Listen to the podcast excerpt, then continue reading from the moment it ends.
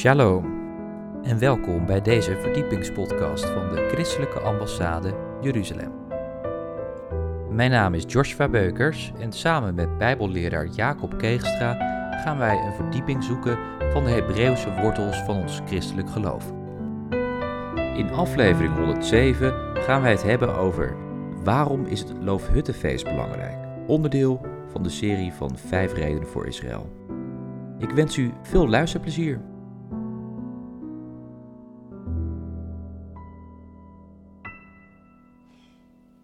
Is het Loofhuttenfeest belangrijk? De vijf redenen daarvoor willen we graag met u delen. En de belangrijkste en de eerste is dat God zelf de feesten en met name het Loofhuttenfeest heeft ingesteld. Het is dus niet Israël of de kerk die dat bedacht heeft, maar het is God zelf die het Loofhuttenfeest heeft ingesteld. In de handreiking, de Torah van God, waarin alle inzettingen en bepalingen zijn gegeven, staat in het centrum, Leviticus. Niet alleen dat het gaat om de offers om tot God te naderen, maar ook op het tijdstip om tot God te naderen. Leviticus 23 staan al de feesten van God vermeld. En de samenvatting staat in Deuteronomium, en dat lezen we in Deuteronomium 16 vanaf vers 16. Waar staat drie keer per jaar moet alles wat mannelijk is onder u verschijnen voor het aangezicht van de Heer uw God, op de plaats die hij zal uitkiezen, op het feest van de ongezuurde broden, op het wekenfeest en op het Loofhuttenfeest. Beter bekend als Pasen, Pinksteren en het Loofhuttenfeest. Dus niet alleen Pasen en Pinksteren, wat wel bekend is bij ons, maar expliciet hier en ook het Loofhuttenfeest. En er staat bij, men mag echter niet met lege handen voor het aangezicht van de Heer verschijnen. Maar ieders geschenk moet overeenkomen met de zegen van de Heer uw God die Hij u gegeven heeft. Dus het heeft ook iets te maken met de zegen van God, die we dankbaar in het Loofhuttenfeest weer bij God brengen. Zoals Pasen en Pinksteren in het voorjaar is, aan het begin van de zomer, zo is aan het eind van de zomer, de climax, het Loofhuttenfeest. Het feest van de inzameling van alle vruchten. En omdat God zelf deze feesten, deze hoogtijdagen, deze Moadim heeft ingesteld, dan betekent ook dat God zijn jaar en zijn indeling van de tijd heeft gestructureerd rond de feesten. Zoals Pasen de uittocht, Pinksteren de wetgeving, maar uiteindelijk draait het om het Loofhuttenfeest. Dus de eerste en belangrijkste reden is dat God zelf deze feesten en het Loofhuttenfeest heeft ingesteld. De tweede reden is dat Israël ook het Loofhuttenfeest gevierd heeft.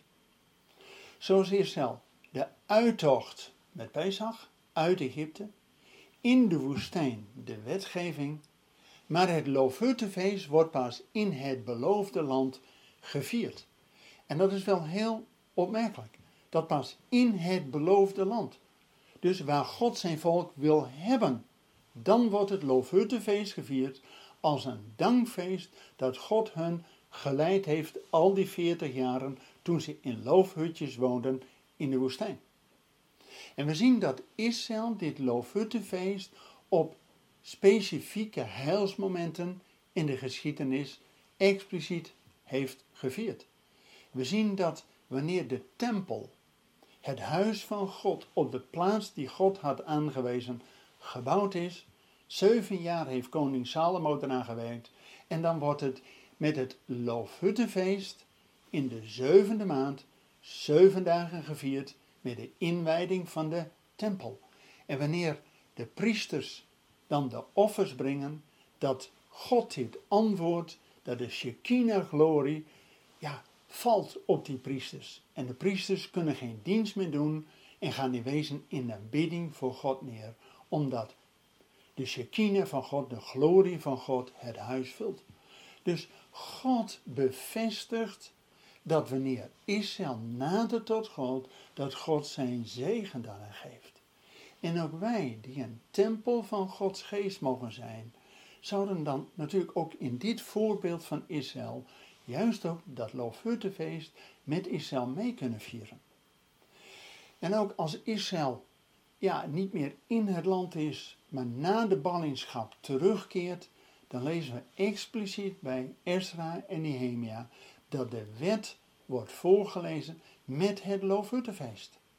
Dus dat de priester Ezra de Torah neemt en op een verhoging gaat staan en zeven dagen lang het volk toespreekt, zodat het volk weer de onderwijzing van God krijgt. En dat is expliciet met het Loofhuttenfeest.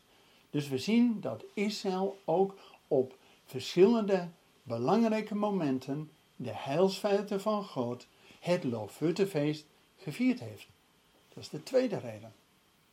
Maar we zien ook door de geschiedenis heen dat Jezus als zoon van Israël, dat is de derde reden, dat ook Jezus, onze Heer en Heiland, het Loofhuttenfeest gevierd heeft. Dan lezen wij in Johannes hoofdstuk 7 dat Jezus eerst zijn discipelen vooruitstuurt naar het Loofhuttenfeest en hij gaat zelf als incognito, dat wil zeggen nog niet herkenbaar voor de mensen.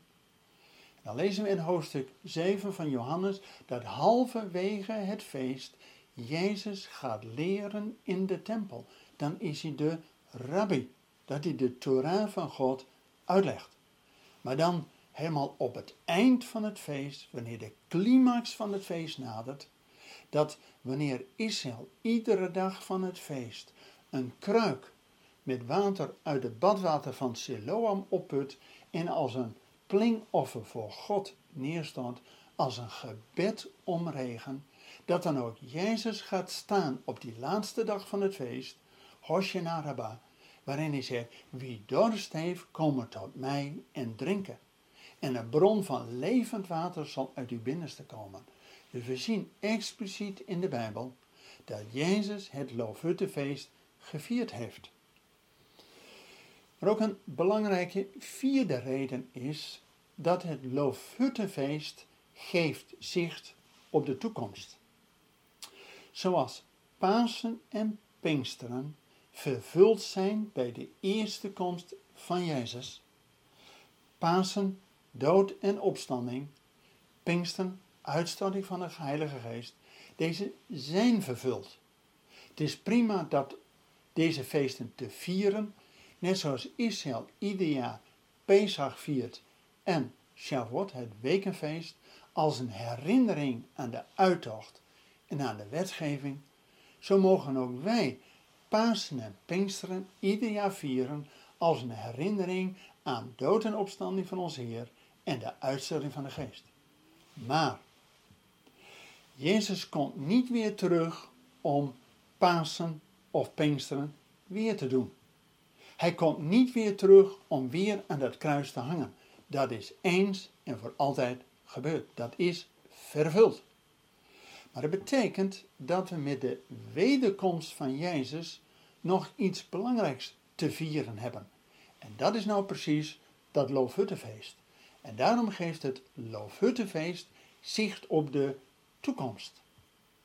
Zoals bij de eerste komst van Jezus Pasen en Pinksteren vervuld zijn, maar het Loofhuttenfeest in het Nieuwe Testament nog geen vervulling heeft, zien we uit naar de wederkomst waarin dat vervuld wordt. En als de kerk het Loofhuttenfeest in de tijd heeft afgeschaft, betekent ook dat wij de zegen daarin missen en ook de visie op de toekomst. En juist de christelijke ambassade die uitgaat van het voortgaande openbaring dat God herstel geeft. Ook herstel bij Israël, maar ook herstel bij ons. Zodat we juist weer de feesten gaan vieren in de volle glorie die God gegeven heeft. En niet alleen Pasen en Pinksteren, maar ook het profetische feest, het Loofhuttenfeest. Het is wel heel bijzonder dat in 1979 dat Mervyn Merlin Watson in Israël het Lofuttefeest wilden gaan vieren. Ze gingen naar de rabbijn toe om hen uitleg te geven over hoe ze dat als ja, gelovigen uit de volkeren zouden kunnen gaan vieren. En de rabbijn legt al, legt al deze praktische dingen uit hoe wij als goyim, als gelovigen uit de volkeren, dit Loofhuttenfeest kunnen vieren. En toen ze weer wilden vertrekken, bijna bij de deur waren, zei de rabbijn, het is wel heel bijzonder dat jullie uit de volkeren komen en mij vragen waarom en hoe jullie het Loofhuttenfeest kunnen vieren. Want in de profeten lees ik dat wanneer de volkeren het Loofhuttenfeest met Israël gaan vieren, dat dat de Messiaanse tijden inluidt. Dus doordat jullie dit nu zo aan mij vragen, zie ik hierin de voetstappen van de komst van de Messias. En dat dan direct daarop vanaf 1980 de christelijke ambassade Jeruzalem met het Loofhuttenfeest gesticht is.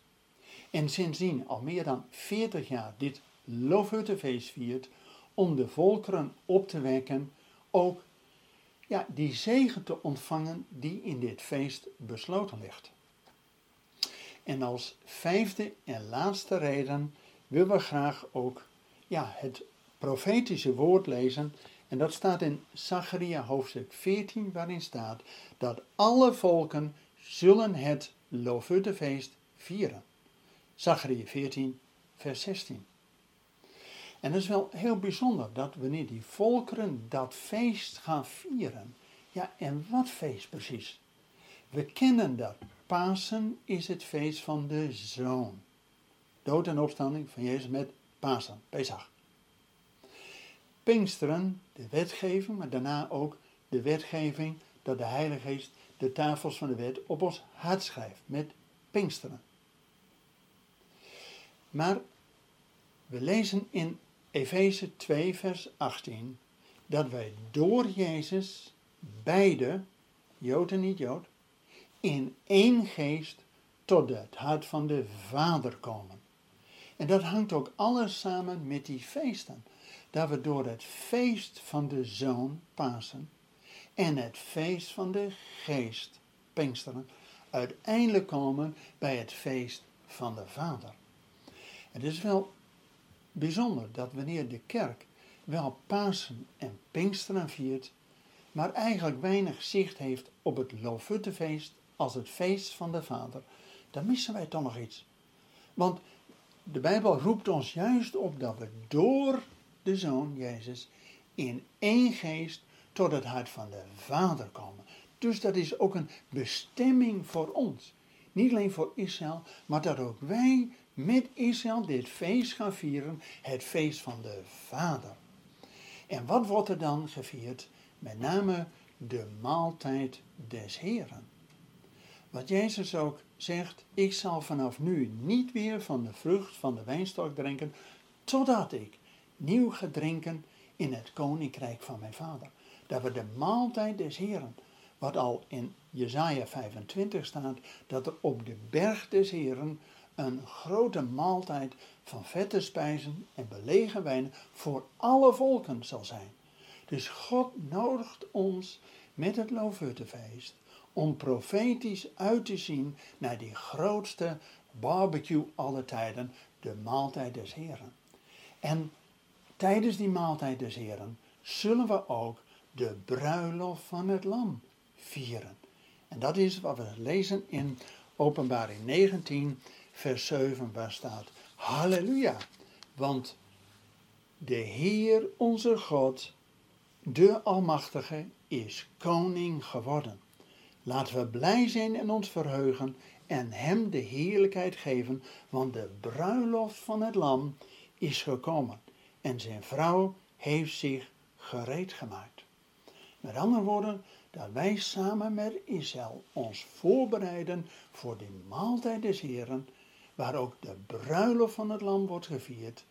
En dat lukt alleen als we ook met het Lovuttefeest dat vieren als een teken nu al dat die wederkomst van Jezus nabij is. En daartoe heeft de christelijke ambassade dat al 40 jaar dit Loofhuttenfeest mogen vieren om de volkeren die vijfde reden, wat duidelijk ook in Zachariah 14 staat, eenmaal zullen de volken opgaan naar Jeruzalem om dat Loofhuttenfeest te vieren. Vanuit deze vijf redenen willen we tot slot u ook nog veel. Bedankt voor het luisteren naar deze verdiepingspodcast van de ICEJ. Waardeert u onze podcast? Steun ons dan met een donatie of ga naar onze website icej.nl. Volgende week gaan wij verder met deze Bijbelserie 5 redenen voor Israël. We gaan het dan hebben over bidden. Waarom is dat belangrijk? Ik hoop dan dat u wederom naar ons gaat luisteren. Hartelijk bedankt voor het luisteren en tot volgende week.